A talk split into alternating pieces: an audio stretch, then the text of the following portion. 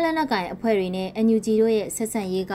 စစ်ကောင်စီကိုအနိုင်ယူဖို့အဓိကတော့ချက်လာလို့အမည်ရတဲ့မြန်မာနွေဦးခရိုနီကယ်ဖေဖော်ဝါရီ9မြင်ကွင်းမူမခဆောင်းပါးကိုဖတ်ကြားတင်ပြပေးပါမယ်။စစ်တပ်အာဏာသိမ်းမှုနှစ်နှစ်ပြည့်လာတဲ့ကာလမှာရင်းနှစ်နှစ်တာကာလကိုပြန်လည်သုံးသပ်အကဲဖြတ်ကြတဲ့သတင်းဆောင်းပါးတွေအာဘော်အမြင်သုံးသပ်ချက်တွေသူတေတီများနဲ့ဖွဲ့စည်းထားတဲ့တင့်သက်အဖွဲ့အချို့ရဲ့အစီရင်ခံစာတွေအမျိုးအစားများစွာပေါ်ထွက်လာကြပါတယ်။ အခုလိုပြန်လဲသုံးသပ်ကြတဲ့အစီရင်ခံစာအပေါ်အမြင်သုံးသပ်ချက်တွေထဲမှာအာဏာသိမ်းစစ်တပ်ကိုလက်နက်ကင်ဖြုတ်ချရေးရည်မှန်းချက်အောင်မြင်ဖို့အတွက်ဆိုရင်တိုင်းသားလက်နက်ကင်အဖွဲ့အစည်းတွေကိုအားလုံးပါနိုင်သမျှပါအောင်စီယုံနိုင်ဖို့ကအဓိကကြတဲ့အချက်လို့ညွှန်းဆိုထားကြပါတယ်။ professional နိုင်ငံတကာတင်းသက်ကြီးတစ်ခုရဲ့အစီရင်ခံစာမှာကိုးကားထားတဲ့မြန်မာနိုင်ငံမှာရှိတဲ့ပြည်တွင်းလက်နက်ကိုင်အဖွဲ့တွေရဲ့အင်အားနဲ့မဟာမိတ်အနေအထားကိုဖော်ပြထားရမှာ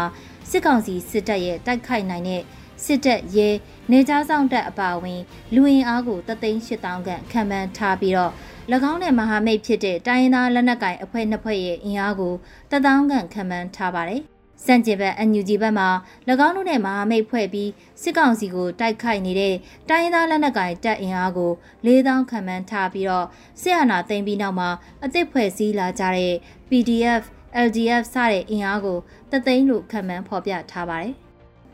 ရင်းအင်အားဖော်ပြမှုကိုကြည့်မယ်ဆိုရင်စစ်ကောင်စီတပ်အင်အားနဲ့တစ်ဖက်မှာ NUG PDF အင်အားအပေါင်းလက်တွဲတိုက်ခိုက်နေတဲ့တိုင်းရင်းသားလက်နက်ကိုင်တပ်ဖွဲ့တွေရဲ့အင်အားဟာမျှခြေသဘောရှိနေတာကိုတွေ့ရမှာဖြစ်ပါတယ်။စစ်ကောင်စီဘက်ကနိုင်ငံရဲ့မြေပြန့်ဒေသတွေမှာတည်ယူပို့ဆောင်ရေးကုန်စည်ဖလှယ်ရအချက်ချာမြို့တွေမြေကြောင်းသွားလာရေးရဲ့အချက်ချာနေရာတွေကိုထိန်းချုပ်ထားပြီးစစ်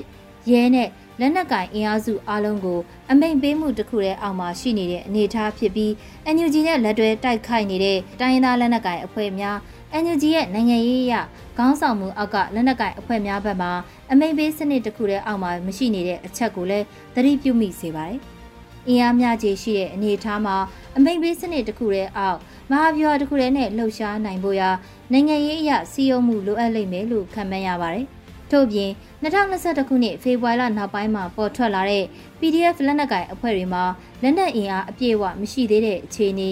ခဲယမ်းစစ်ပွဲကြီးတိုက်ခိုက်နိုင်တဲ့ရန်နေရာဗျူဟာမြောက်လက်နက်စတဲ့လိုအပ်ချက်တွေရှိနေတဲ့အနေအထားကိုထင်ရှားစွာတွေ့မြင်ရမှာဖြစ်ပါတယ်။ဒါပြင် NUG PDF အနေနဲ့အခုလက်ရှိလက်နက်ကိုင်အင်အားကိုစစ်ကောင်စီထက်ပုံမတာလွန်စေဖို့နီလန်းတိုက်ခိုက်မှုအတွေ့အကြုံရှိပြီးလေ့ကျင့်ပြီးလက်နက်ကိုင်အင်အား ထောင်တောင်းချီတိုးလာဖို့အချက်အနေနဲ့ဆိုရင် PDF အဖွဲ့ဝင်များထပ်မံစီယုံနာထက်တိုင်းသားလက်နက်ကိုင်အဖွဲ့အချို့ကိုထပ်မံစီယုံနိုင်ရင်တိုက်ပွဲအတွေ့အကြုံရှိပြီးသားလက်နက်တက်ဆင်ပြီးသားလက်နက်ကိုင်အင်အားတိုးလာမှာဖြစ်ပါတယ်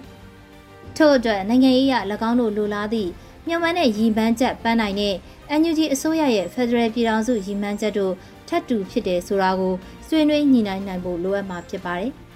ဒီအချက်ကလက်ရှိစီရေးချိန်ခွင်ရှာကိုအပြောင်းလဲဖြစ်စေနိုင်တဲ့နီလန်တစ်ခုဖြစ်ပါတယ်။သို့မဟုတ်ပါက NUG အနေနဲ့လက်ရှိလက်တွဲတိုက်ခိုက်နေတဲ့မဟာမိတ်တိုင်းရင်းသားလက်နက်ကိုင်အဖွဲ့များနဲ့ဆက်ဆံရေးကိုဆက်လက်ထိန်းသိမ်းထားပြီးတော့ PDF အင်အားကိုထပ်မံတိုးပွားလာအောင်ကြိုးပမ်းရမှာဖြစ်ပါတယ်။နယ်မြေရမြန်မာလူမျိုးအများစုနေထိုင်ကြတဲ့ဒေသတွေဖြစ်တဲ့မကွေးစကိုင်းမန္တလေးနဲ့ပဲခူးတိုင်းတို့ကိုအားပြုရမယ့်သဘောလေးဖြစ်ပါတယ်။ပြီးခဲ့တဲ့နှစ်နှစ်တာကိုပြန်လည်သုံးသပ်ကြည့်က နောက်လာမယ့်နှစ်နှစ်တာအတွင်းစီရေးရအောင်မြင်ဖို့လိုအပ်ချက်တွေမှာငွေကြေးတစ်ခုတည်းမဟုတ်ဘဲနိုင်ငံရေးသဘောတူညီမှုစီယုံရေးစွမ်းဆောင်ရေးလက်ရှိလက်နက်ကိုင်အင်အားစုတွေကိုစူးစီးနိုင်မှုတို့က